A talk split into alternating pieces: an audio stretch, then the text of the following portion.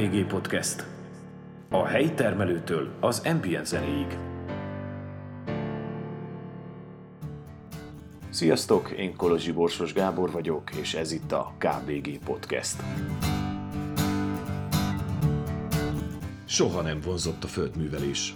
Bár paraszt akadt a családban, de mégsem ragadt rám sok a kertészet szeretetéből. Gyerekkoromban kapáltam cukorrépát és kukoricát a 40 fokos hőségben. Ó nem, a teremtés ezen oldala soha nem fogott meg. A mai vendégem viszont ebből él.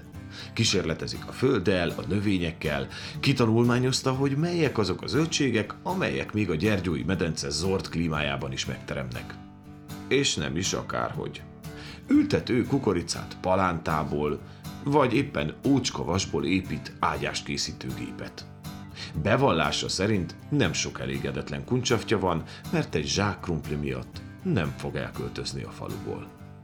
Bárki megtalálja őt Gyergyószárhegyen, a Kerekesháznál, ja, és ugyanitt hagyma eladó, Lukács Gézával beszélgettem.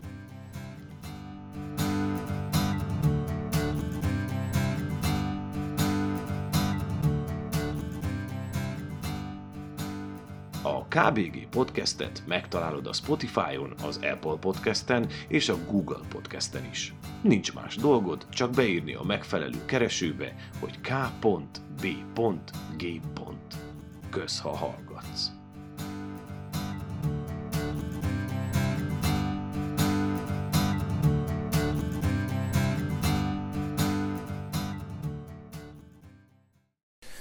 Szervusz Géza, te kérted, hogy tegeződjünk, úgyhogy, mert azt mondtad, hogy téged mindenki tegez. Én úgy, így hogy... szeretem, hiába, hogy öreg vagyok, de én úgy szeretem, hogy valahogy közvetlenemnek tűnik az egész rendszer. Úgyhogy én tegezni foglak innen. Az első kérdésem az, hogy miért híres a szárhegyi káposzta? Mitől lett híres, vagy rászolgált-e a hírére? A kérdésem egy szóban a legjobb. Neked Szárhegyinek, de amúgy... Mindenkinek. Akinek, akinek nem a legjobb, az még nem kóstolta meg. Te sok káposztát kóstoltál? Igen. Mi, mi volt, ami, mi az, amire azt mondtad, hogy már majdnem a Szárhegyi? Nincs olyan, nincs. Tényleg? Tehát, hogy nekem az a kérdésem, hogy, hogy tehát ugye híresnek tartjuk a, a szárhegyi káposztát. De ez csak azért híres, mert a szárhegyiek úgy tartják, hogy ez híres, vagy ez valamiért rászolgál ez a káposzta a hírességére? Hát, eh, Mitől jobb, mint a többi? Hát ez rászolgált a minőségére, most tényleg nem a reklám helye ez, mert eh, egyszer is volt neki egy 300 év genetikai letisztulási idő, ami szinte nem mondható el Európában még olyan káposztafajtára, ami 300 éves hagyománya, 300 éves kultúrával fennmaradt, és ez már sokat mond. És ez a 300 év alatt ez a, ez a természetes és, és céltudatos szelekció az úgymond finomra hangolta a szárhegyi káposztát. A gazdasszonyok régebb, és ez arra volt kinemesítve, most már így mondva, hogy eltenni káposztát télen, épp fejeket, karácsonyra töltött káposztának. És ez abba különbözik a magyarországi savanyított káposztát, vagy mindentől, mert általában lesz, szeretelik a káposztát, és úgy teszik, vagy nagyon keveset tesznek el éppen. Ez kimondottan éppen van eltéve, és itt a káposzta termesztésnek egy, úgymond egy ilyen kicsi mennyország van, mert egy olyan klíma és egy olyan talaj adottság van, ami szinte erre volt teremtve a káposzta. Ugye összetalálkozott a, a mm. káposzta, a természet, és valakik, akik 300 évig ezt így fenntartották. És ez abból jelenik meg minőségbe, hogy például a, a lapikot a káposztafejekbe szinte az utolsó fejig fel lehet tölteni. Úgyhogy gazdasági szempontból már ebből... Nincs benne. Igen. Egy fej káposztában 40 tölteléket, 50 át is egy nagyból lehet tölteni. Már itt. A többi fejekből a középen egy pár levelből tudsz. Nincs betűrődés a leveleken, simmák a levelek, egymásra simulnak, vékonyak. És az a jelenség van, amikor megkóstolod, egyszerűen elolvad a szájadba. Látod, hogy töltelékes káposztát ettél, de magad nem tudatos, eltűnik, az íze megmarad és eltűnik. Nem pergamenes, nem rágós, nem főszét, ugyanakkor, hogy, hogy nagyon puha, és, de nem esik széjjel. Úgyhogy el van találva az, az arány az egészben, a kádba pedig az, hogy karácsonyra megérik. Itt van egy mondás, hogy nem jó asszony az, aki november 1-ig halottak napjáig nem teszi el a káposztáját, ez így igaz? Ez... Addig kell eltenni a karácsonyi káposztának? Régen, régen az emberek így, én amit utána néztem, az inkább az volt, hogy egyházi ünnepekhez köttek nagyon sok eseményt. Mert neki azt mondtad, hogy november 25-ig vagy október 25-ig elketed a káposztát, nem mondott semmit. De azt mondtad, hogy halottak het előtt el kell tenni a káposztát, az neki egy dátum volt. A logika az van benne, hogy a pince hőmérséklet általában az egy adott volt, a káposztának a tulajdonsága adott volt, és azt tapasztalták, hogy a halottak hát előtt eltetted a káposztát, karácsonyra megérett. Az nem azt jelentette, hogy ha halottak hete után tette a káposztát, nem lett jó a káposzta. Neki a káposzta akkor lett jó, ha karácsonyra meg volt érve. Nem ilyen jó káposztában. És itt ez a jó, ez itt átvitt értelem arra, hogy neki karácsonyra káposztája jó volt. Uh-huh. Karácsony után is jó volt, és csak érdekességképpen megjegyeztünk, hogy mi úgy voltunk az idén, hogy a Schuster és rossz cipőbe mi nem tudtuk eltenni a káposztát az időbe, és a tavaly eltett káposztából, amelyik köszönjük szépen egy évet volt a pincébe, karácsonyra azt tettük, és az is nagyon finom volt. Úgyhogy itt van a másik úgymond jó tulajdonság, hogy karácsonyra megérig de akár egy év múlva is. Mennyi a, mi a különbség? Mennyiben éreztél különbséget mondjuk az egy éves és a karácsonyra, mondjuk novemberben Nem volt viszonyításom, mert nekem ez is nagyon finom volt, ugyanúgy szép töltelékek készültek, elolvadt a szájba. Olyan volt, mintha most összetettük volna. Közben, közben egy évvel ezelőtt tettük el. Uh-huh. Uh-huh. Ez is egy tulajdonság. 2013-ban megalakult a Szárhegyi Káposzta Termelők Egyesülete nevű egyesület, Igen. ugye, ami az, azért alakult, mert... Hát az, az, az azért alakult, mert muszáj volt megalakuljon, úgy vettük észre.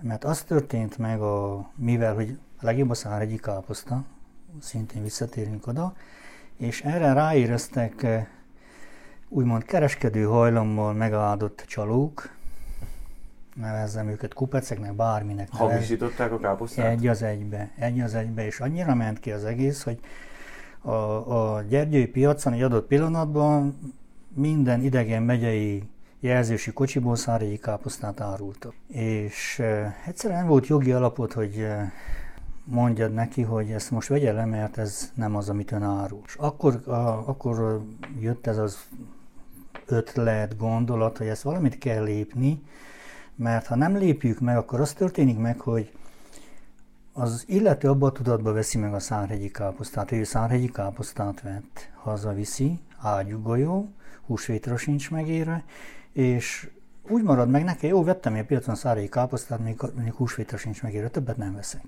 Tehát a szárhegyi káposzta nem jó. Nem jó. Mm-hmm. Igen. És ezért meg kellett alakítsuk az egyesületet, és az Egyesület következő évben nekifogott, és nagy titoktartásban levittük Márka néven a szárhegyi káposztát. Itt a titoktartás az nagyon fontos volt, mert még olyant is hallottam háttérből, hogy egészen Szárhegyihez semmi közük nem lévő emberek is próbáltak ezt megcsinálni, vagy elszólták magukat. Nagyon gyorsan kellett lépni, Családilag eldöntöttük, hogy ezt megcsináljuk, önköltségből, semmi pályázat, semmi támogatás, ezt bevállaltuk. Az egészben az volt a nagy, legnagyobb rizikó is, amitől én féltem, hogyha megkapjuk, vagy kitudódik ez, és én nem tudom biz- bebizonyítani ezt, hogy én ezt egy a közösségét, a szárhegyiekért, a, a név használatért nem fogok elkérni pénzt, vagy bármilyen minőségi bizonyítványi pénzt, úgy fog lejönni kifelé, hogy Géza ebből pénzt akart csinálni. Uh-huh. És nem tudtam volna bebizonyítani, hogy én ezt a közösségét akartam csinálni.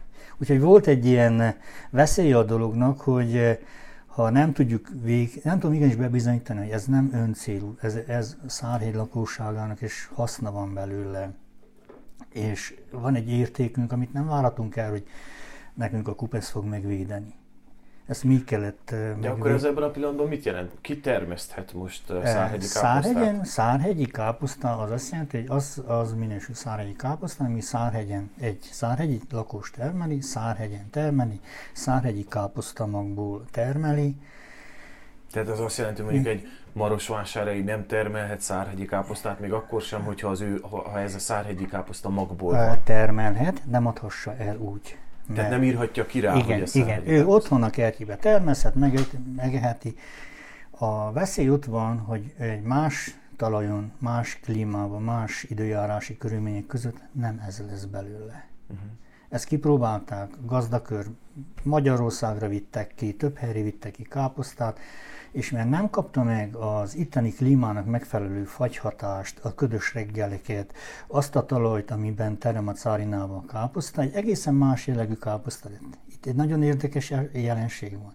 A falunak csak egy bizonyos részében lehet szárhegyi káposztát termelni, még Szárhegyen is. Ez függ a talajtól? Igen, annyira talajfüggő, annyira talajfüggő és bizonyos azon a jellegzetes szárinai talajon, hogyha a falunak a felső felébe vasút mellé ültetünk káposztát, nem az lesz. Ezért is, mi ez a, mi, mi van a talajban, amitől jobb? hát a talaj egy, egy messzes agyagos talaj, ami alatta egy vízréteg van, amit az agyag ö, megtart, nem, régebben nem is kellett öntözni, és ez adott egy, akár a szőlőnél, akár egy jellegzetes tulajdonságot ad a- az egésznek. Ugyanazt a palántot ugyanaznap más talajon elültetve, és letettük a két felt egymás mellé, és nem az volt. Uh-huh. Úgyhogy ez, ez, ez, ez, mondom, oda alakult az x év alatt, az a, a káposzt összenőtt a földdel mondani így.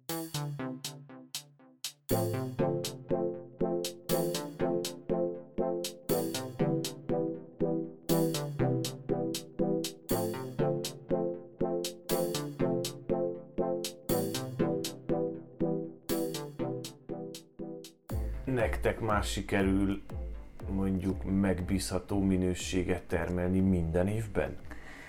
Az időjárás. Mert ugye ezt akartam mondani, Igen. a mezőgazdaságban ugye nagyon sok tényező van, ami miatt a, nehéz. ami tőlünk terhető, azt megtesszük. Tehát azért nagyjából akkor sikerül ugyanazt a fajta igen. káposztát csinálni. Igen, ez úgy van, hogy a, a mi szelekciót csinálunk a magukkal, több mint 17 féle jellemzője, kizáró jelleggel meg kell legyen egy szárhegyi káposzta magának, a magnak valónak, az örökítő anyagnak, amiből uh-huh. tovább visszük a genetikai állományt. Nagyon szigorú szelekció van, kiválasszuk levélszín, levélerezet, levélvastagság, torzsamagasság, gyökérhosszúság, levelek átfedése, fejforma, nagyon-nagyon sok rétű a dolog, és ebből mi fogunk magot, és ugyanaz a, abból a magból készítsük a palántot, mi nem veszünk magot, nincs ilyen, hogy magvevés. Uh-huh.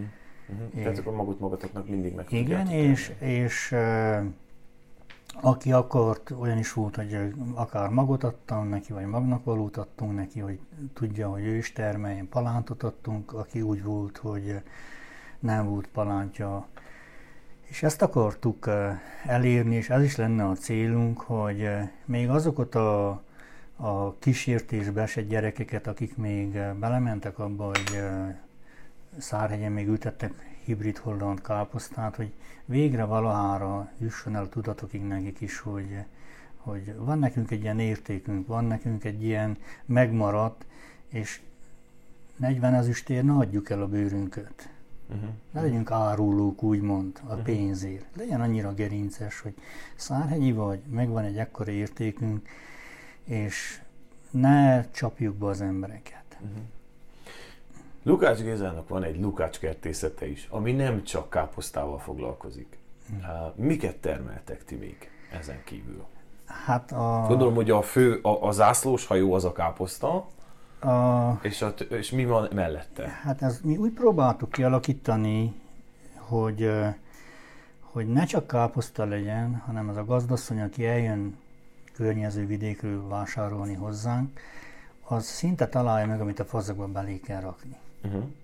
Az jelentsen murkod, akkor céklát, zellert, petrezselymet, van négyfajta hagymánk, pityókánk, vagy ötféle pityóka, akkor karfiolunk van, a káposztán csak szárhegyi van, másfajtát mi nem termesztünk. Az, a, nagyon az elején, tíz évvel ezelőtt még volt korai káposztánk, azt is kihagytuk, hogy még véletlenül se legyen az, hogy tévedésből elsúzza valaki.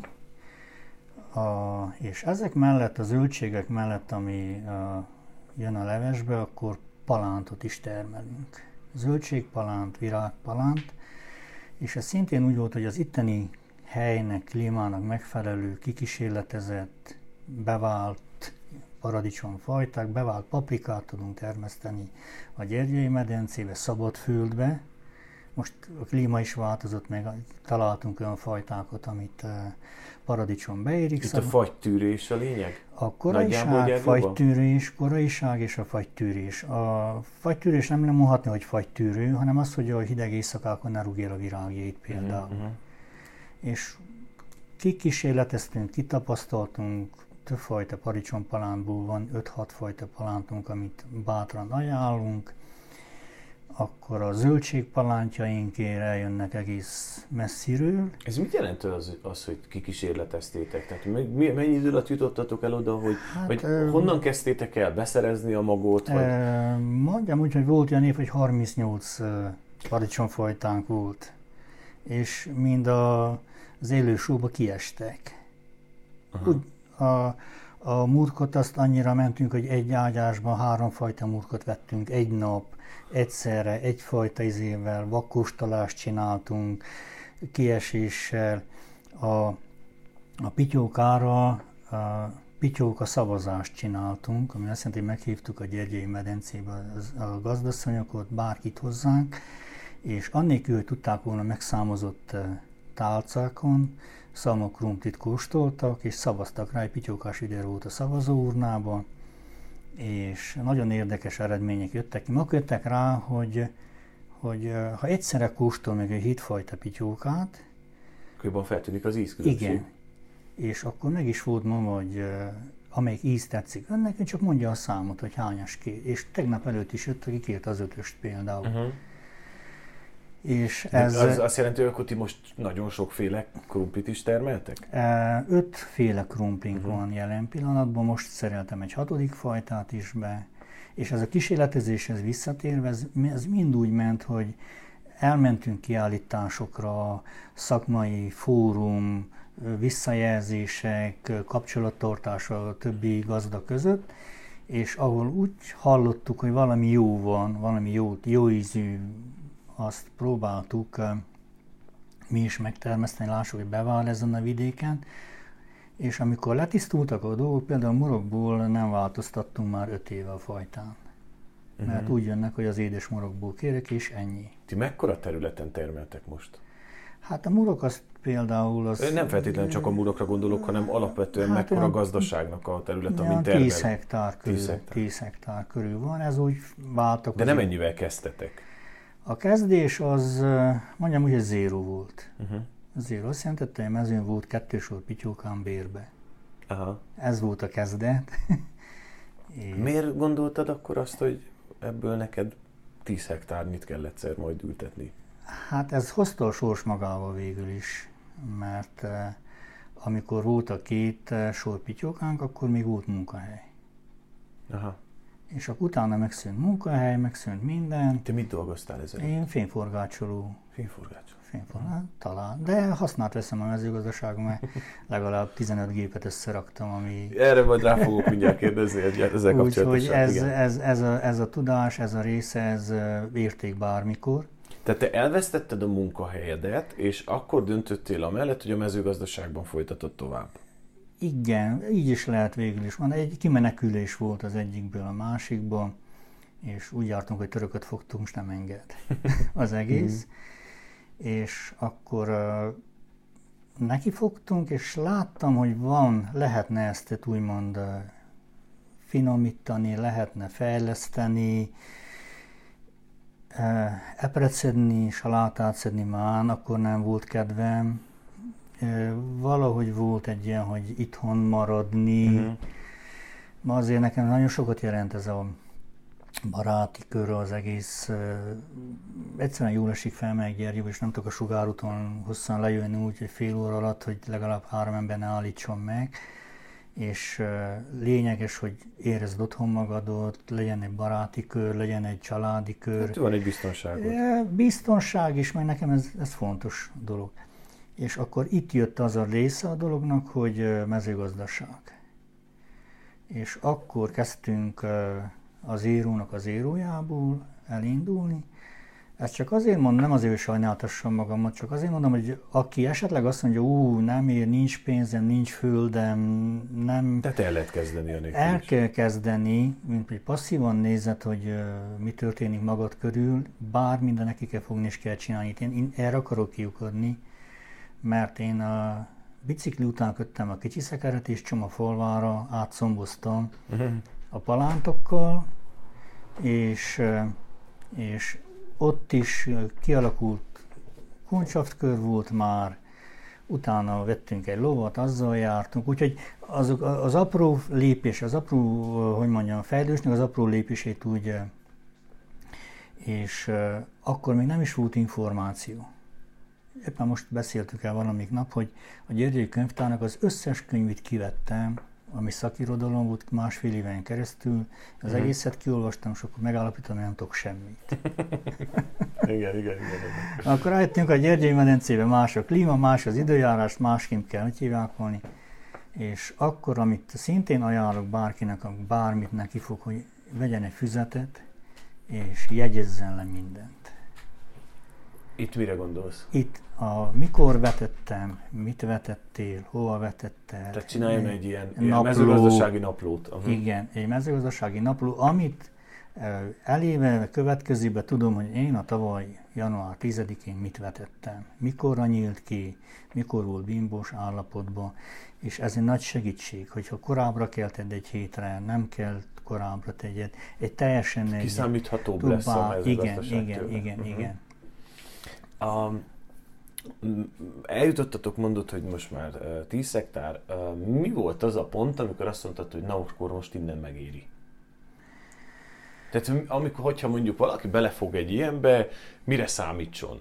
A, valaki azt mondja, hogy ő termelő akar lenni, uh, helyi termelő akar lenni. Mi az, amikor azt lehet mondani, hogy na innentől kezdve már igen, ebből meg lehet élni, innen most már megéri ezt úgy csinálni, hogy nem úgy kelek fel minden reggel, hogy vajon holnap hogyan lesz. Hát ez minden reggel így kezd fel végül is. Most De is. hát azért egy adott ponton az embernek azért beáll egy ritmusa, Igen, vagy beáll a, egy biztonsága. Az első, hogy mikor éri meg, akkor értem, amikor nem haltál étlen.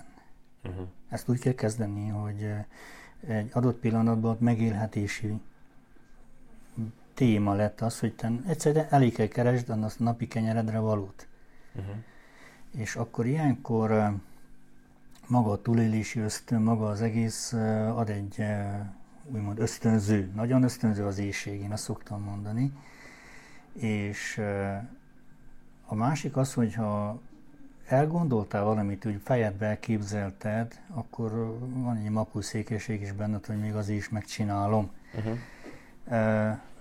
Persze ehhez kellett a család, egy háttér, nem anyagilag éppen jelzem, hanem eh, hogy elfogadják, bár az elején még az is érdekes volt, hogy eh, amikor két disznót eladtam és üveget vettem az árából, azt úgy még nagyon nem vették jó néven. Üveget? Igen, hogy üvegházat tudjak csinálni. Á, hogy üvegháznak, aha. Igen, úgyhogy ez, ez, ez, ez egy ilyen folyamatos, apró fejlődés, apró lépés, és a másik, amikor ne talán összejött valami, akkor legyen annyi erőt, hogy megállt, hogy ne küldtekezd el. Uh-huh. Mert mit tudom, bejött egy jobbacska év, maradt is valami pluszod, és akkor állj meg, és ne dzsipánt vegyél, és ne nem tudom milyen luxus, uh-huh. hogy hívják ott, uh-huh. hanem végy egy gépet, vagy ha nem tudod megvenni a gépet, csináld meg, vagy valamit, hogy a fejlődésbe forgas vissza az egészet. Mert nagyon sok vállalkozónál, nagyon sok embernél meglál, figyeltem azt, hogy kiment, hazajött, vagy valaminen nekifogott, és az a legelső dolog volt, hogy egy, egy 20 ezer eurós autót leasinget, uh-huh, vagy bevett, uh-huh. amit egyszer a költségei felemésztették a izét. Tehát a takarékosság az egy nagyon fontos meghatározó. Igen, igen, igen, és tisztába kell légy önmagaddal is, hogy én Lukács Géza vagyok a biciklivel is, és szürke kalappal is, aki elfogad, jó, aki többi, nem mondok, ki le kell kifütyölni, uh-huh. és ez, ebben rendbe kell lenni. Nekem, én nem versenyzek senkivel, nem akarok nagyobb lenni senkinél, nem akarok több lenni senkinél, én magam akarok lenni.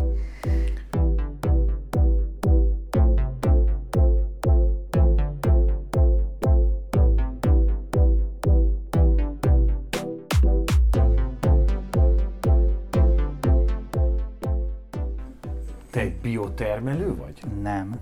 Mit jelent az, hogy biotermelő, és te miért nem vagy az? A biotermelésnek már odáig lezüllesztették a biotermelés, hogy már én ki sem merem mondani. Mert mindenki, sokszor látom hirdetésekben bio, zöldség, bio, és amikor rákérdeztem, hogy légy szíves, akkor a minőségi bizonyítványnak a sorszámát, akkor vagy milyen alapon, akkor hebegés, habogás volt és sértődés, nem szabad a biószót, ameddig neked nincs bizonyítványod, elismert bizonyítványod rá, nem szabad kimondani. Mit jelent a bió? Hát egyszer is nem, az a legnagyobb rossz, a törvények sem tiszták még ebből a pillanatban. Egyszer is talajvizsgálat kell a, a területről több éven keresztül, az egész technológia nem használhatsz vegyszereket, vagy használhatsz vegyszereket, de csak bizonyos dolgokat, és akkor itt megint elcsúszik a dolog, mert hogyha használsz vegyszert, akkor... Miért vagy bio? Miért vagy bio? Vagy én nem vagyok Jó, bio. de hát mondjuk, hogyha azt mondjuk, hogy az öregek még bión dolgoztak, nem, vagy valamelyes nem, bión dolgoztak. Nem. A, a, ez is téveszme, és lehet, hogy megsértek embereket, de én láttam olyan kis kerbe termelt pityókaföldet, hogy több egyszer volt, mint bárkinél mert a mama lemegy az üzletbe, megveszi a kis csomag vegyszerit neki, ő ha már felvegyítette, akkor már nem izéli, kicsepcseli, uh-huh. és kisügy az öt ára valót két ára ő szépen rátette. Uh-huh. És utána teljes lelki nyugalommal adja az unokájának, mert hát ez a kis kerbe termet hátul. Uh-huh. És itt jön a szakmai rész a dolognak, hogy hogy igenis a mezőn meg kell nézni, hogy mikor beteg a növény, mikor kell permetezni, olyan is van, 21 napig oda se kellett nézni, egyszerűen volt az időjárás. De azért ki kellett menni naponta, megnézed, van-e spóra, van-e gyep, szaporodott-e a képlet, teljesen ott kellett legyen. És a biót azért nem mondom, mert egyszerűen nincs minősítésem rá, úgyhogy nem. De ez azt jelenti akkor, tehát, hogy elfogadhatjuk azt a tényt, hogy írtó ritka a biotermelő? Vagy lehet, hogy nincs is? Én, ha most fel kéne sorolni a kezemen, nem tudnék mondani. Uh-huh.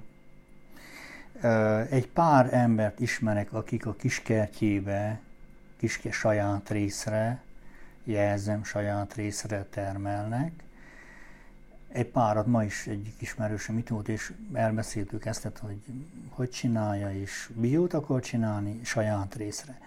De ahhoz, hogy eladjál is valamit, fenn is maradjál, nehéz, szinte lehetetlen. Szinte lehetetlen, igen, erre voltam kíváncsi, Mert hogy ez... az emberekben nem hajlandók, vagy nagyon kevesen, tisztelet a kivétel és nagy tisztelet nekik, nem hajlandók húszbanival többet adni egy keveset vegyszerezett, vagy nem vegyszerezett uh-huh. zöldségért.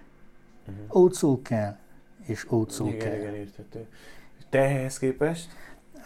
Van olyan növény, amit papír nélkül le tudok bióba termelni. De mivel céklát például teljesen le tudjuk termelni. A káposztának nem mondhatom. Ami azt jelenti, hogy nem permetezed, nincs Nem permetezünk, nincs. Uh-huh. Kapáljuk és uh-huh. össze kiszedjük ész, de nincs is betegsége jóformán ennek.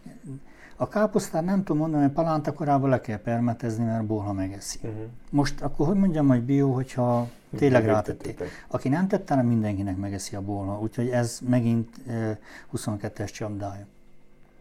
Én azt mondom, hogy uh, mértékkel környezetbarát módon a lehető legkevesebbet, és én bevállalok 10 tonna pityókával kevesebbet, bevállalok uh, az idéni káposztán nem is permeteztük például, csak a bórán, a mezőn nem uh-huh. permeteztünk.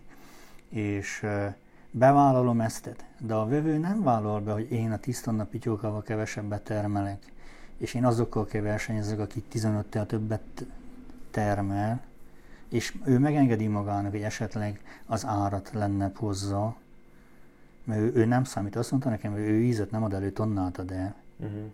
Mi, mi egy olyan ízet akarunk eladni, amiért visszajön az ember.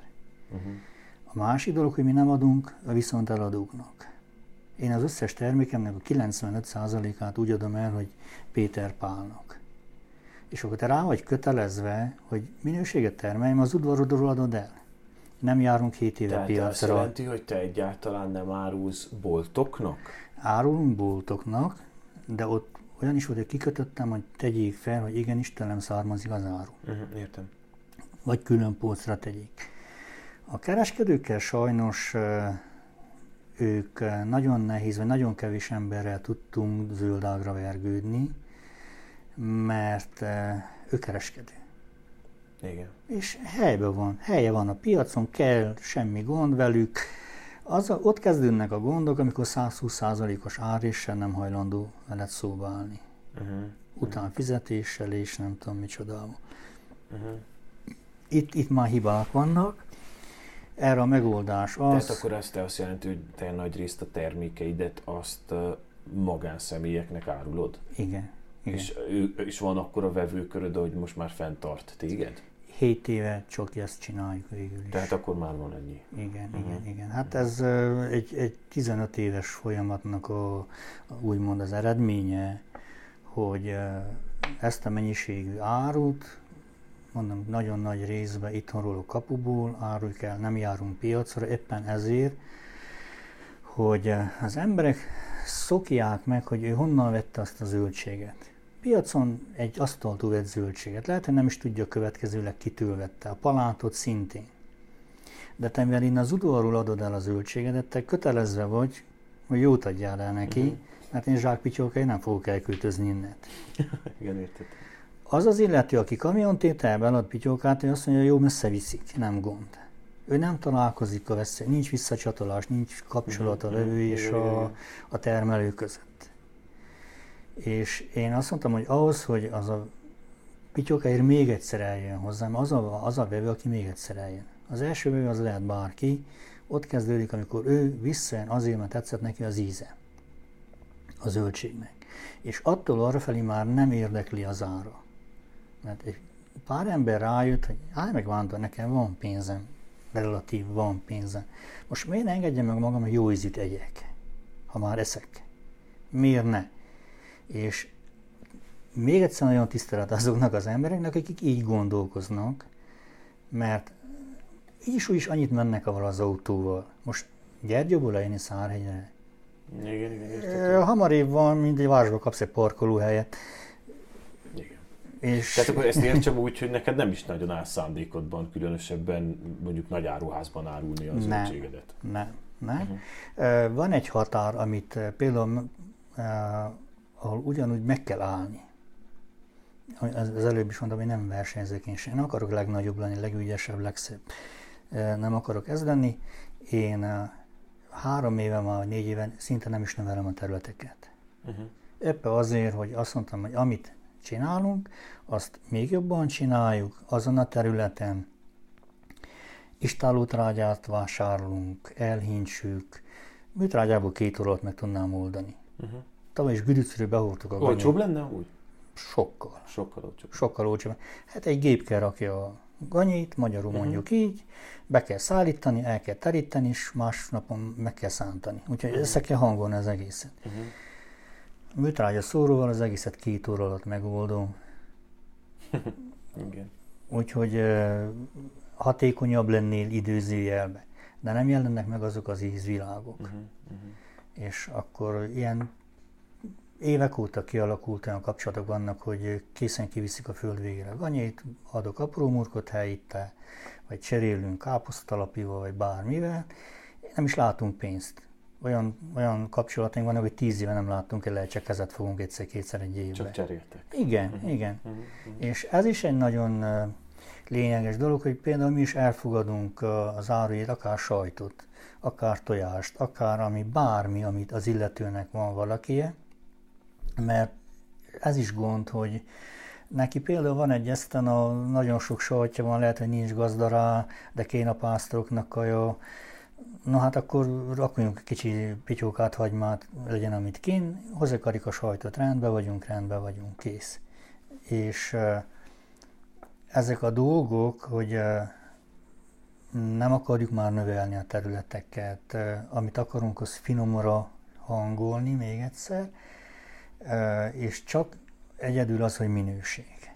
Uh-huh. Mert a mennyiséget a, neki fog valaki, és leül most a mai világban, az embernek a 80%-a tudna csinálni. Te mit gondolsz mondjuk a december 10-én vásárolható paradicsomról egy áruházban? Uh, csúnyát nem akarok mondani. Fogalmaz meg szépen. nem veszem meg. De mondjuk aki megveszi. Ne vegye meg. Akkor hol kapna mondjuk decemberbe paradicsomot? Miért kell december paradicsomot venni? Ide akarok eljutni. nem tudom én, csak én, én visszakérdezek, miért kell? Az nem kapott, eh, ha még esetleg valahol földnek a déli felén volt termesztve, de ameddig idejét, az azt jelenti, hogy valamilyen szinten tart, tartósító szerekkel kellett az legyen megtöltve, és eh, mi eleve nem vesszük meg az ilyen dolgokat. Mert minden megvan az ideje, mint a szalmakalapnak. Most, ha ő akar zöldséget enni, nem azt mondom, hogy eh, káposztacikát tegyen, ami például nagyon sok C-vitamin van benne, de mellőzze ezeket, nem jók nem természetesek, egyszer az ízvilága az, az össze se lehet hasonlítani a paradicsomunkkal. Uh-huh. Aki tőlünk paradicsomot vett, és az, az, az hogy mondjam, azt nem akarok csinálni, azt mondta, hogy extázisban volt, amikor, meg, amikor megkóstoltam, azt mondja, ilyen van. Van, aki pénzt ígért, hogy mondjam el, mi a titka ennek ilyen paradicsom. Mondom, jó ember, ez a, a földön termett paradicsom. Az ágán érik be és ott érik be az ágán, úgyhogy nem szedjük le, mi egy, egy hétig hagyjuk az ágán, utána szedjük le. Még ha kérik, akkor se szedjük le. És el, megmondom az úriembernek, hogy nem adok most paradicsomot, mert nincs megérve. De az piros, nem adok. Hiába, hogy az a pénz úgymond kellene neked, uh-huh. kell egy annyi gerincességed legyen, hogy mondjam, ez két nap, három nap múlva lesz eladó. És akkor az, amit én el akarok adni. Úgyhogy én a decemberi paradicsomról én nem venném meg, és ha csak éppen nem terhes valaki is nem kívánja meg, én azt mondanám, hogy Inkább ne. Inkább ne. Inkább ne, akkor inkább fej... Hát ezzel azt, tehát igazából hova el akartam jutni, hogy te hiszel akkor abban, hogy mindent szezonálisan együnk. Tehát télen együk a savanyított káposztát, nyáron vagy tavasszal együk a frissen kertből szedett zöldséget, a zöldhagymát, és e, például decemberben ne akarjunk zöldhagymát enni. Igen, ez egy természetes dolog, csak most mondjam azt, annyira megmosták az agyunkat, hogy ciki már, ha valakinek este sült pityókát és káposztalevet veszel elé, vagy turus puliszkát. Uh-huh. Ciki lett a dolog belőle, mi nem rég voltunk egy vacsorázni egy szűk körbe, és tényleg sült pityóka volt, gombolyagon, félbevágva, pánkó pityóka, úgy hívjuk, káposztalével, szenzációs volt, hagymával, megvolt, egyszerű étel. Valaki voltak nálunk, turuspuliszka volt két csipor tejával. És ezek nem decemberbe termettek? Nem, itt az a lényeg, hogy az egyszerűség ott van, és te, ha meg tudod termelni, ami hozzá a túró van, puliszka kerül, tejafű van, teja van, és egy egyszerű ételt tudsz csinálni, és nem költöd el magyarul, nem azért, hogy sporolni akarsz, nagy valaki félreértsen, hogy most a fogalmaz verem, és azért nem veszek én nem tudom milyen uh-huh. paradicsomot, hanem én azt tartom, hogy ha egyszerűen meg lehet, ne flancoljunk, ne nagyzóljunk, hogy hülyeséget veszünk drága pénzünk, van nekünk egyszerű, szép, jó dolgaink, és azt mellőzzük. Uh-huh, uh-huh. És ezt kéne azért egy kicsit az emberek agyába tudatosuljon, hogy inkább a hangulatról szól egy vacsora, ne arról szóljon, hogy most hány száz értékű volt kipakolva az asztalra és azzal, hanem hogy érez jól magad valakinek a társaságába, és erről szóljanak az egész.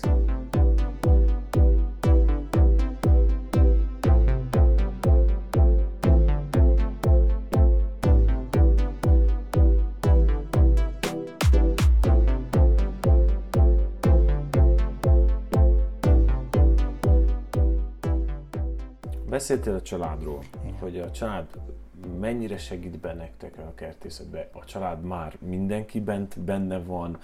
Hogy oszlik meg a munka ebben?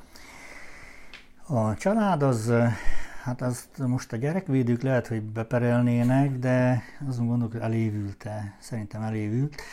A gyerek négy és fél évesen felállt a murkos ládára a piacon és árult. Uh-huh. És az övtáskája fel volt téve, és régi pénz volt, és új pénz volt, és árult a piacon, mert ráéreztek, hogy mi ebből élünk meg. És el is magyaráztam, hogy ha ide álltok segíteni, mi valószínű, hogy akkor jobban fog menni. Jobban. Igen, a család az ott volt, apum, anyum, ő segített például a piacolásba, apum nagyon sok évig keresztül úgymond a pittyantotta a poharakot, mert ilyen házi készítésű poharakot készítettünk műanyagból, uh-huh. Amit kivágtuk a formáját, és ilyen tűzőgéppel csináltuk, több ezeret csinált belőle. Ő nagyon, ő nem látta át abba a világ akkor, hogy, hogy ez mi is lehet, és nem azt mondom, hogy ellenezte, de nem fogadta el sokáig, hogy ezt de miért? Az a, a Isten apom az volt, hogy 40 évet ledolgozott egy munkahelyen, vagy 42 évet. Ja, hogy félt belevágni valami újba. Igen, igen. Uh-huh. Ő, ő táplomtornytól nagyon Gyergyőmedence, nem tudom hány házat összeraktak minden. Járt, világot járt úgymond a világba, de félt.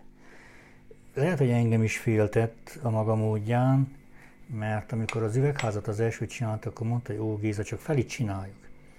Még, hogy csak alacsonyabbat csináljuk, ki kell fűteni meg minden, úgyhogy ez nehéz volt. Akkor, amikor úgy eltelt egy év, és akkor mondtam, hogy apu, én fát se vegyen ettől arra felé többet, mi intézzük, mi, hogy hívják, csináljuk ezt a felét, maguk csak, ha tudnak, segítsenek, és ne és akkor, hogy honnan és honnan. És mondtam, hogy apu, hát ha dolgozunk, akkor, és nem poljuk el azt a pénzt, akkor elméletileg kéne maradjon is. És amikor kezdtünk területeket vásárolni, nem autót, nem hogy hívják, hanem területet, akkor készítettem, honnan, és akkor hogy veszed meg, fiam? Hát mondom úgy, hogy ne a, annak a földnek, ami termet, az az összes pénze, az arra van félretéve, hogy ez a célom nekem. És amikor látta, hogy van lehet jövője, jövője vagy tényleg komolyan csináljuk, akkor odaállt a végsőkig, és fóliát építettünk közösen, pincét csináltunk házilag, és az volt az egészben lényeg, amit tudtunk mindent házilag megcsinálni. No, de visszatérve a családra, a gyerekek nem fogják folytatni. Uh-huh. Nem fogják folytatni, mert azt mondtam, hogy akinek az Isten adott egy kicsit több beszélt, és ennél egyszerűbben meg tudja csinálni a megélhetését, csinálja, mert az, hogy kimensz a mezőre és látod, hogy két hektár pityókát tönkrement, és akkor kiszarozott, hogy most 40 tonna pityóka, egy leje 40 ezer lej, és az úgy elúszott, és még az év előtted van, vagy az az év elment, és még bért is kell adja területre, esetleg azt nehéz feldolgozni nehéz fel dolgozni azt, hogy szemben röhögnek, no, ebből traktor nem veszel, uh-huh. mert egyszer elmondtam, hogy annak a föld árából traktort akarok venni, és ez nehéz. És én senkire nem akarom rákényszeríteni. Én azt mondom, hogy mindenki csinálja azt, amit szeret, amit tud. Ez nem egy, hogy mondjam, egy olyan dolog, hogy most dinasztia is kell csinálni tovább. Ő, ha mhm. neki van esze, és ennél könnyebben meg tud élni, csinálja, hál' Istennek, hál' Istennek nem azért az én gyerekem. Nagyon ügyes volt, most elvégezte az orvosit, már dolgozik vásárhelyen. A kicsikő pedig ilyen számítástechnikai, hogy hívják. De attól eltekintve, ami orvos, ő hazajön és rakod, rakodja a káposztát és a pityókát, úgyhogy nincs ezzel ilyen gondunk. Ezért is álltunk le a további fejlesztésekkel, hogy ne csak arról szóljon a mezőgazdaság, hogy hány kiló hány le, hanem maradjon egy kicsi rész, úgymond az idézőjeles életre is. Uh-huh, uh-huh, Ami azt jelenti, hogy legyen időd elmenni a társaságba, legyen idő egyet, legyen energiád egyet nevetni, egyet viccelni, egyet kirándulni, ha bár délutánra esik is, vagy akár elmegyünk egyet fotózni, ami, ami megint egy kikapcsolódás.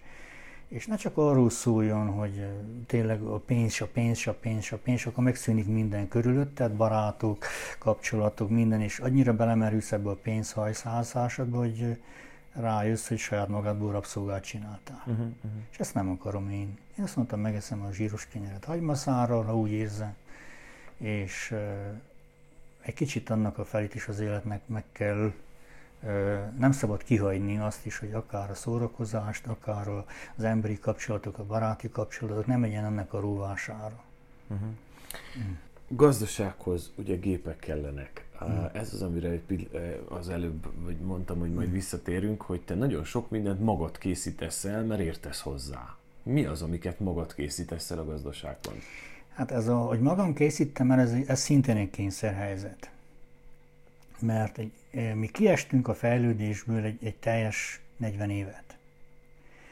Külföldön már annyira elhaladott a technológia, hogy olyan gépeket lehetne behozni, amit uh, számítógépes vezérlés, egy, szám, egy informatikus kell a gépen, már mindjárt nem is traktorista, ahol neked a piros lámpa kigyúl a gép, a mező közepén, és ott maradt a traktor, el kell húzassad onnan, mert nem is jön a lábáról.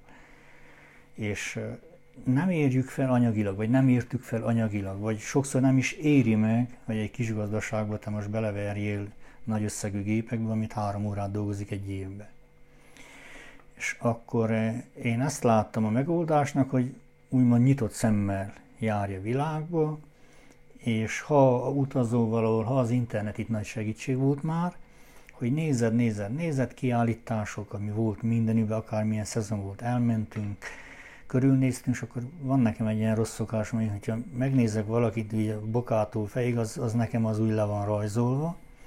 És akkor tényleg voltak olyan gépek, hogy, hogy amit a német megoldott hidrolikából, meg elektronikából, mi két Mercedes laprugóból, az ócskavasból megcsináltuk, és olyan ágyás készítőgépet csináltunk, hogy tíz éve most is menjen, és, és rugalmas, és követi a talajt, és, és ágyást csinál, és megtömöríti, és lehengerli a végét, és vető mag olyant, ami szintén talál a gépeknek, a többi gépnek a, a, a összhangban van vele. Kompatibilisnek kell azért Igen, minden, minden, mindent, igen.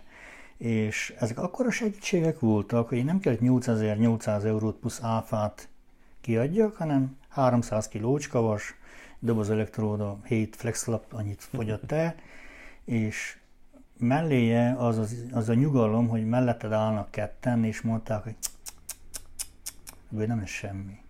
De ne gondolt, hogy te most feltaláld a spanyol viaszt, mert most te fogod megcsinálni azt a gépet, amit mondom, gyerekek, hát vasból van, fából van, meg lehet csinálni, olyan nincs. Egyszer a vasból, az kettő, mind a kettő az értek, meg lehet csinálni. És megcsináltuk, működik.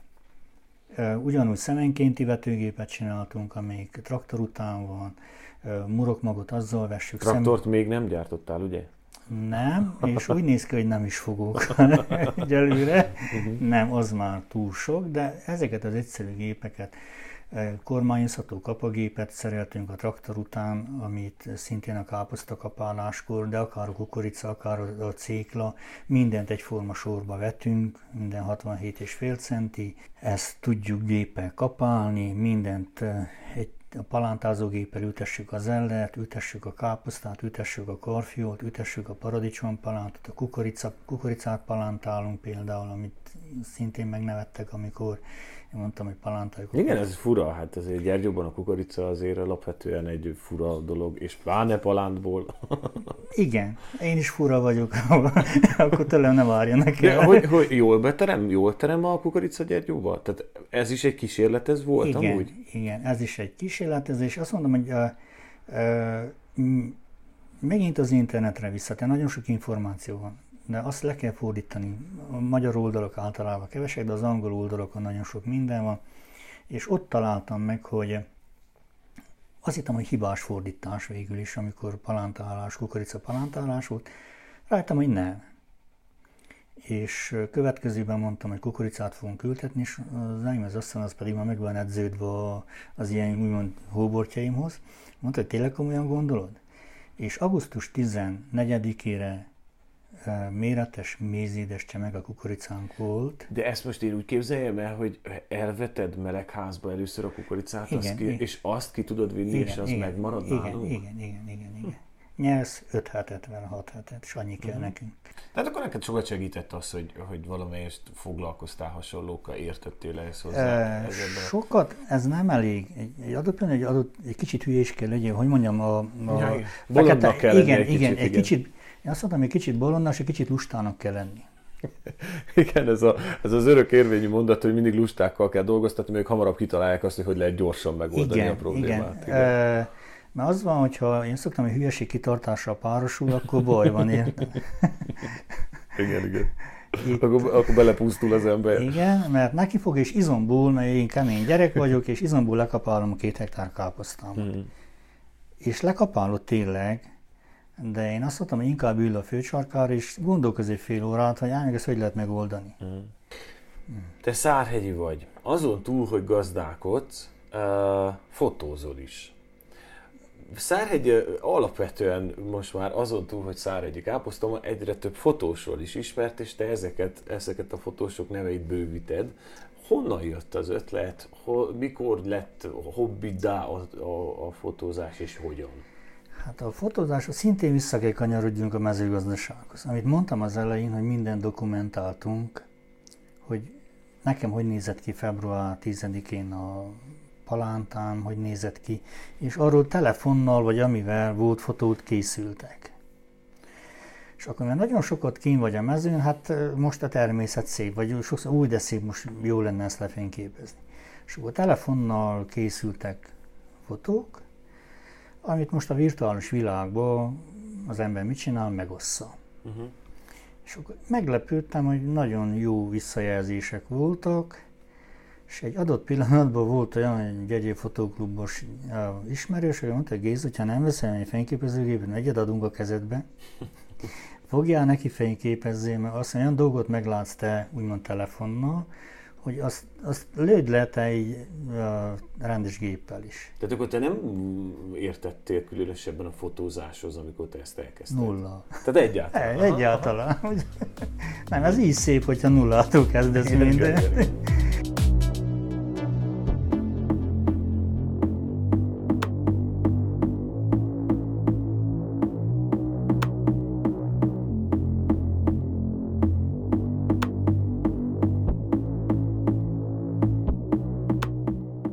Ilyen autodidakta módon lassan megtanultál fotózni?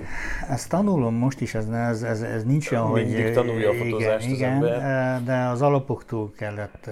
Volt nekem egy fényképezőgépen, egy kompakt gépen, volt, azzal is dokumentáltuk a dolgokat, de az annyi volt, hogy automata módban betetted, és szák, ekkora a növényed, most palántáltuk a káposztát, ekkor, ekkor zár össze, és ezek volt ilyen, ilyen dokumentum jellegű fotó, és közben meglát, hú, be, uh-huh. azt is lefotóztak és szakmai része nem volt semmi, nem volt, hogy automatán ment ez a fényképezőgép, és amilyen lett, az lett be. Dokumentumálni kellett. Igen.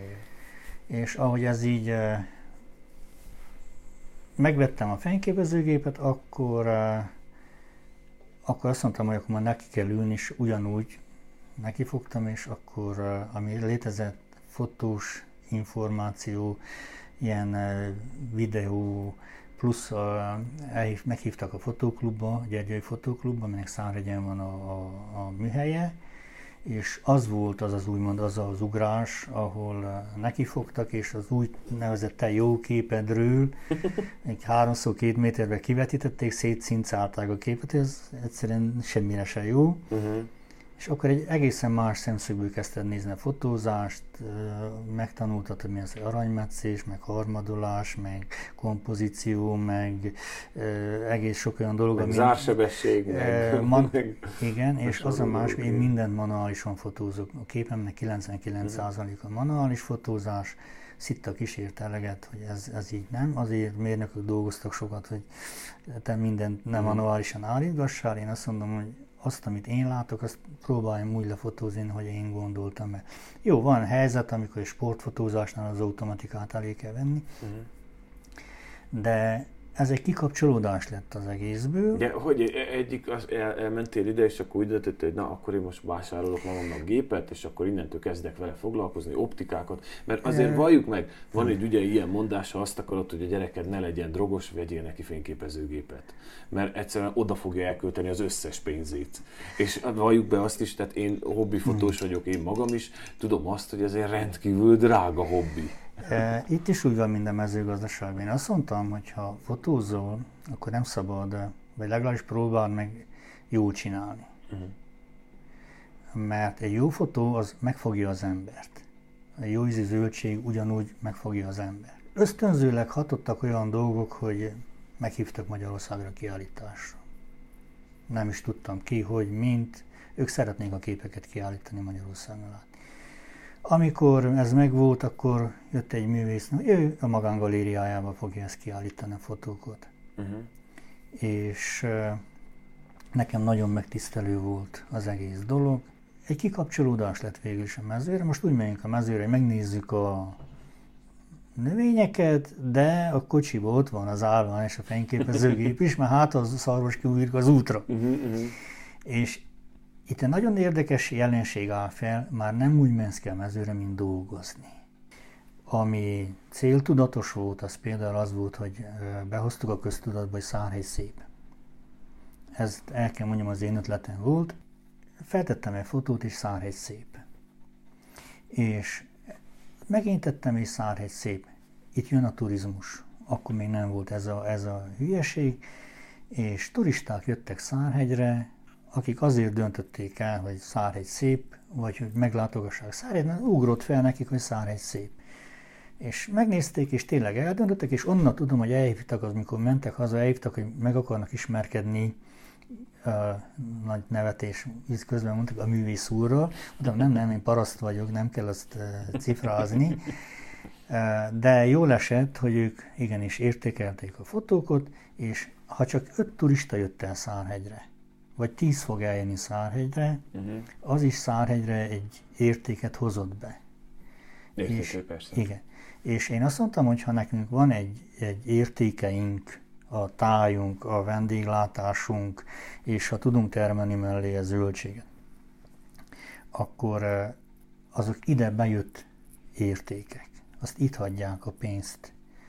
És a paradicsomra is visszatérve az előbb, hogy ezt a paradicsomot, aki megveszi, az nem az itteni termelőt fogja támogatni, hanem egy, nem tudom, valakit. Aki... Igen, erre mond, volt egy mondatod, egy interjútban láttam, ahol pont ezt mondtad, hogy hiába mondom, súlykolom az emberekbe azt, hogy helyit vegyenek, ha nincs helyi. Tehát muszáj ezt csinálni akkor. Igen. Ezt kéne tudatosítani, hogy a, egy svájci mondás, most így mondom, idézek valakit, hogy ő azt mondja, hogy meg akar venni valamit, van-e a szomszédodnak? Vagy van-e a faluban, ha nincs a szomszédnak? Uh-huh. Ha nincs a szomszédban, akkor a kantonban valaki termeli ezt. Uh-huh. És ha nem termeli a kantonba senki, akkor nem az a következő kérdés, hogy megveszem Kínából, meg rendelem az OLX-en vagy valahol, uh-huh. hanem egyáltalán kell nekem az. Uh-huh ismerősöm volt itthon, és azt mondta, hogy átszöktek Németországban, bevásárolni üzletláncba. Amikor a svájci gazda meglátta, hogy a megpakolt csomagtartóval megérkeztek, és azt mondta, hogy ha még egyszer meglátom, úgy pakoltuk innen haza, hogy elő van írva, mert azt a pénzt azt svájci termékre költsétek el. Uh-huh, uh-huh. És uh, itt az irítségen és a rossz indulaton túl kéne lenni, és el kéne lenni, pláne amikor ilyen helyzet van, hogy nem jöttek turisták, vendéglátóiparok nem működtek, egyre kevesebb pénz jött be a Gyergyői medencébe, vagy akár hova, akkor azt a kevés pénzünket, ami van, akkor kétszer gondoljuk meg, hogy kinek adjuk oda. A pénz egy energia. Az energiát úgymond elszippantsák tőlünk, és, és itt lehetne nagyon nagyon sokat segíteni, hogy azt, amit ott hagysz te egy olyan helyen pénzt, amit, amit megvehetnél helyi termékként, azzal úgymond a te fejlődés is itt be, befolyásolod. Mert segítesz a saját. Igen, mert ha nekem, nekem van esetleg jövedelme a mezőgazdaságból, akkor több építek egy pincét, több valószínű, hogy egy nyári kertet csinálok, több valószínű, hogy valamit fejlesztek, a lakásomat fejlesztek. mert van hozzá alapanyag. Igen, vagy igen. bármit, de csinálsz valamit, igen. ami hozadékával közvetlen magad körül még 5-10 embernek megélhetést, vagy egy bizonyos támaszt adsz neki. Sokat beszélsz a közösségről, sokat beszélsz a közösség segítésén. Ugye felmerül egy nagyon, nagyon tehát hogy nem igaz, hogy nincsen a környéken termelő, mert rengeteg termelő van. Nagyon sok tud eladni, nagyon kevés tud eladni papíron.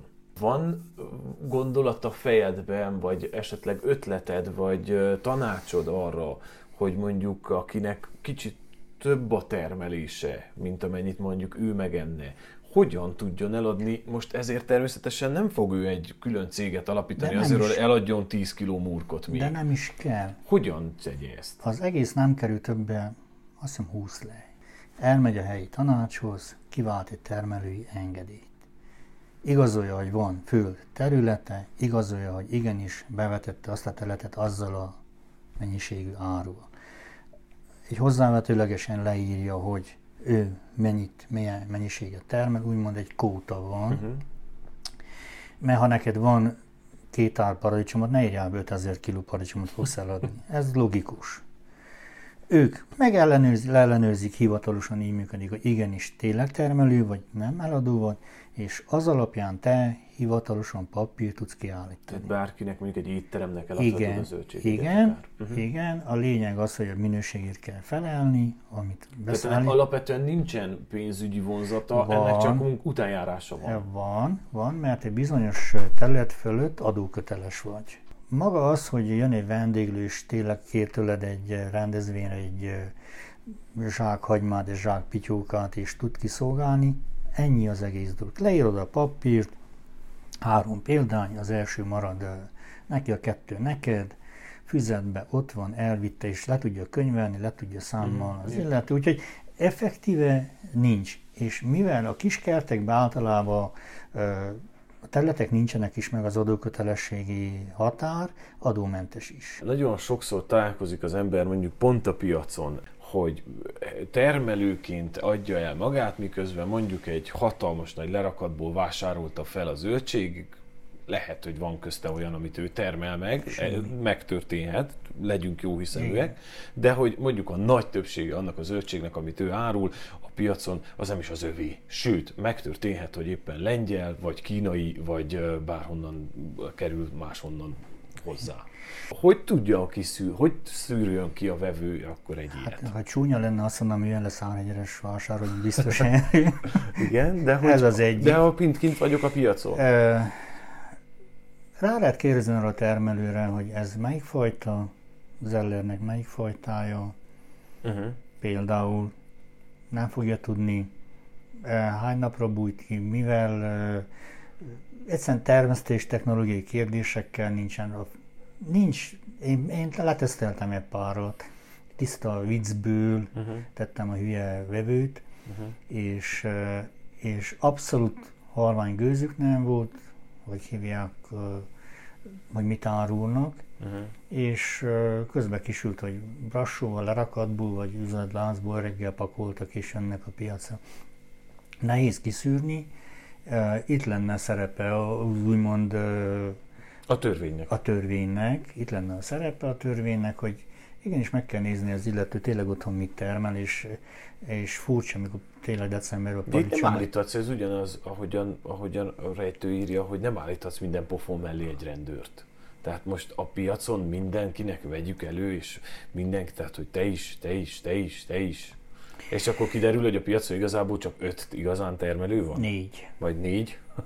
tehát, hogy, tehát, hogy jó, itt most nem konkrétan a gyergyói piacra gondolok, mert ez nem csak Gyergyóra jellemző, ez szerintem a világ nagy részére jellemző.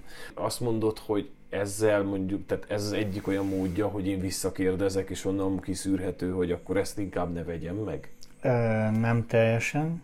Itt az a lényeg, hogy az az illető, akitől te meg, ez, ez, ez, ez volt az egésznek a lényege, hogy akitől te vásárolsz, ezt tud behatárolni, hogy ki az, micsoda.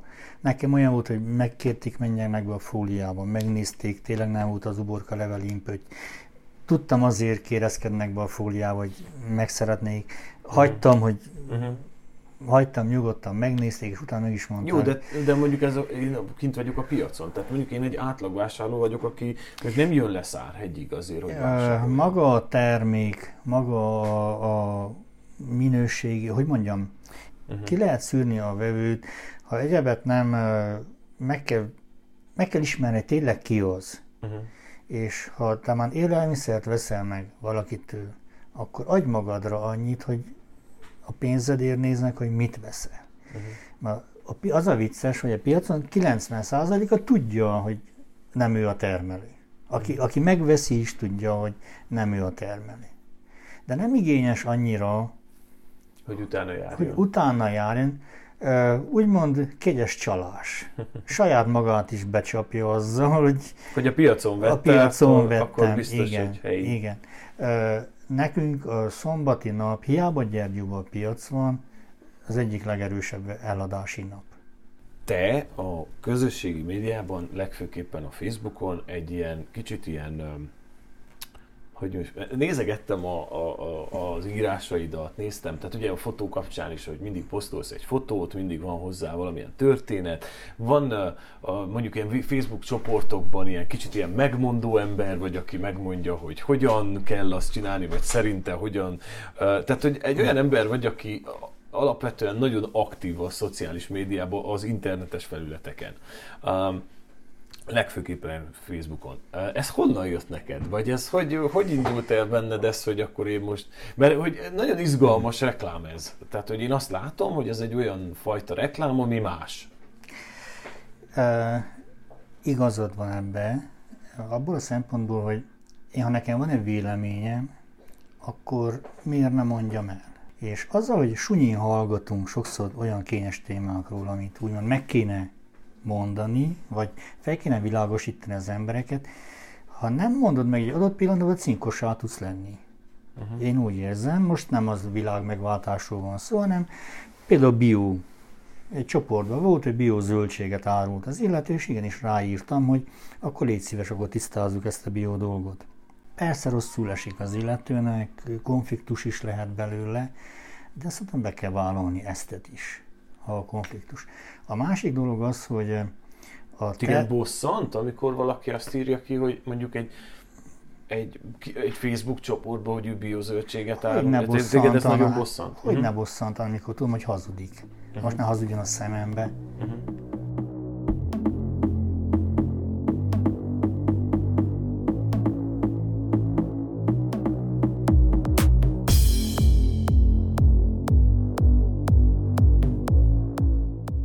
Egy olyan média felületen ö, próbálsz vitázni valami olyannal, ahol ö, most bocsánat, ha sértek ezzel valakit, de a, a, ahol olyan dolgok is felkerülnek, hogy mondjuk a koronavírus vakcinában processzorokat, csípeket is betesznek. Tehát az, ami legyünk őszinték, nevetségesen hangzik. Tehát, hogy én értem, legyen valaki oltás ellenes, vagy ne oltás melletti, teljesen mindegy, de hát azért csípet már csak nem teszünk egy vakcinába, ami marhaság. Na most nem történhet meg akkor az, hogy mondjuk ez a az ember, aki azt mondja, hogy ő biotermelő, tényleg biónak gondolja, mert azt mondja, hogy ő nem.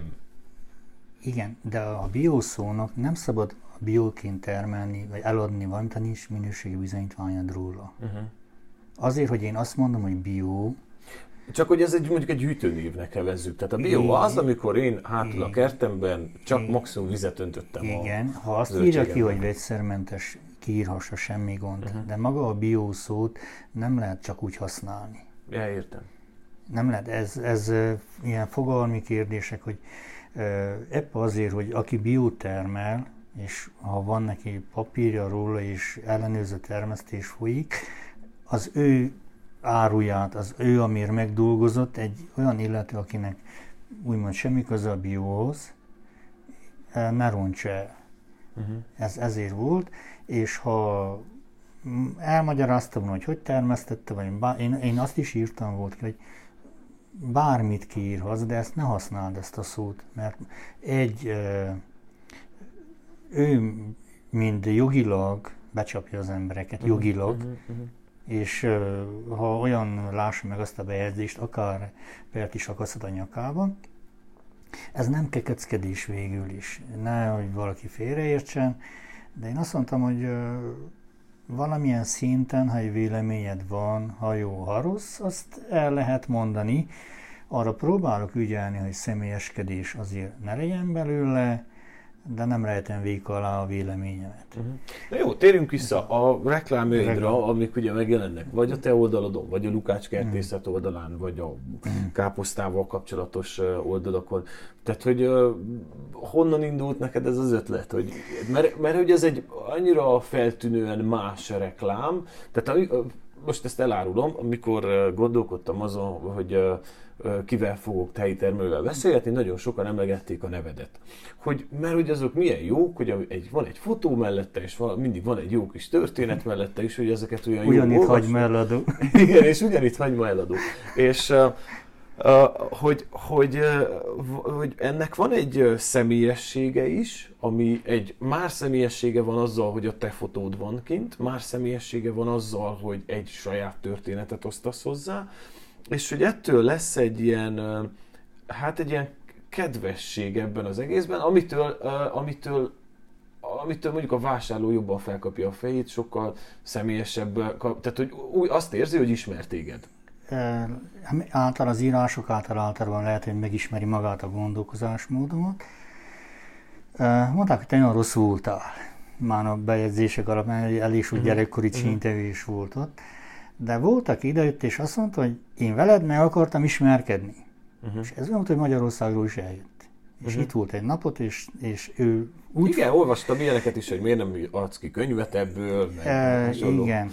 És uh, volt, aki vevő jött, hogy ő meg akar ismerkedni, hogy ő annyit olvasott, és meg akar személyesen ismerkedni. Nagyon jó kapcsolat kialakult így belőle. És az a lényeg a másik, hogy a termelők uh, nagyon sokan tudnak termelni.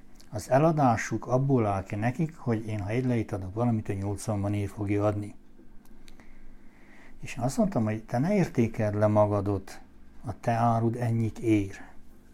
És ha te termeltél jó árut, akkor saját magaddal tóz ki, magyarul, hogy nem is vegyszereztél, tényleg dolgoztál vele, és még áronnál el is adod, akkor, akkor lottó nagyon sokat kell vegyél legalább jó, jó szériába, hogy túl is éld az egészet. Uh-huh. És ezt be kell bizonyítsad, vagy tudat, kell tudatosítani az ember, neked van egy terméket. Aki kétkedett benne, és azt mondta, hogy például olcsóbban kap ő pityókát, én annak mindenkinek adtam egy szatyor pityókát ingyen, és egy névjegykártyát. Uh-huh. Vigye haza, kóstolja meg. Olyan volt, hogy bizonytalan volt, két zsák pityókát, két, egyet adtam csak neki mondom, maga ne érezze azt, hogy most magára akarom kihasználni azt, hogy egyet adok, vigye haza, kóstolja meg, és ha ízlik, itt lakunk, megkap, vásároljon. Soha nem mondtam senkinek, hogy vegye, se piacon, soha. Ő döntse el, hogy mit akar, és a reklámnak nagy szerepe van. El kell fogadni. Van, aki ellenzi a reklámot, van, aki teljesen megveti, érdekel. Ne, nem, tehát én nem, fél, ne érts félre, tehát én nem azt mondom, persze, hogy nem persze, jó ez a reklám, igen. ez nagyon jó. Én nagyon jónak találom, hogy te így reklámozol, és nem úgy, hogy van 10 zsák hagyma, 42 leír, mondtam egy összeget. Igen. Most csúnya szó ez a marketing végül Nem is. csúnya szó, a marketing hozzátartozik hozzátar, a igen, igen, igen, és ezt teszi fel a pontot az íre, mert te hiába termeltél meg a legjobb minőségű termék, a legúj... Ha, ha nem jutsz el a vevőig. Igen. Uh-huh. Igen. És néma gyermeknek az anyja se érti a szavát, ez egy hasonlat legyen hozzá. Te kell tudni, hogy van neked ez. És én a visszajelzésekből vezettek rá, a spontán visszajelzés.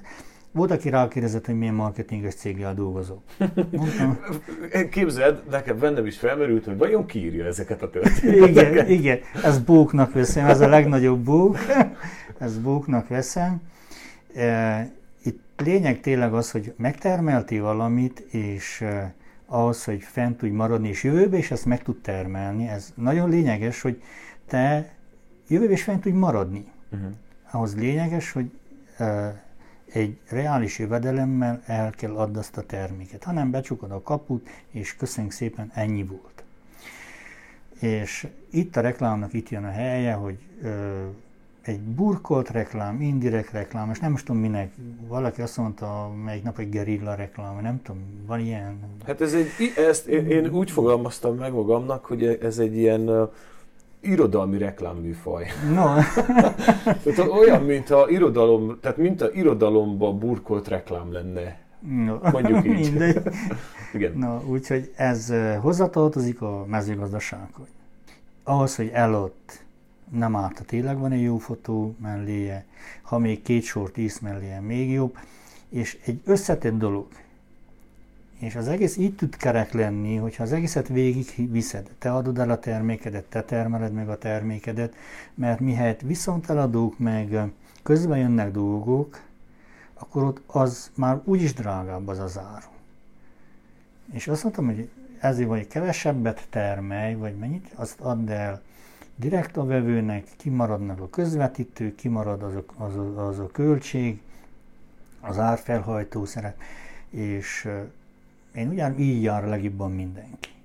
Ami nagyon-nagyon fontos, az, az kihangsúlyozom az, hogy a vásárlók tudatosan vásároljanak.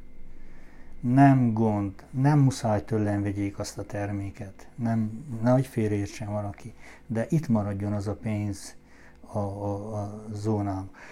Én, ha tényleg tojáskes hagy, ami egyszer kell, én próbálom ezt megcsinálni. Nem azt mondom, hogy nem megyünk vásárolni, de a, a, a tényleg ami olyan, hogy nem tudsz előállítani, vagy nem tényleg olyan cukor, vagy olaj, vagy mit tudom én, uh-huh. megveszed, és ennyi. És ez tudatosan van. És ez kellene, ez kellene egyre több emberbe tudatosuljon, hogy jó emberek, van egy lehetőség, és ha van egy lehetőség, az a lehetőség csak úgy tud megmaradni jövőre is, hogy én veszem az energiámat, 4 kilométer, 3 kilométer, és megkeresem azt a gazdát, aki tudom, hogy ő azt a pityókát eszi, amit nekem ad, uh-huh. azt az zöldséget eszem, mint nekem ad. Ez egy nagyon jó zárszó volt, köszönöm szépen. Egyetlen utolsó kérdésem uh-huh. van, melyik a kedvenc káposztás ételed? Töltött káposzta, töltött káposztával. Köszönöm szépen. Köszönöm a beszélgetést.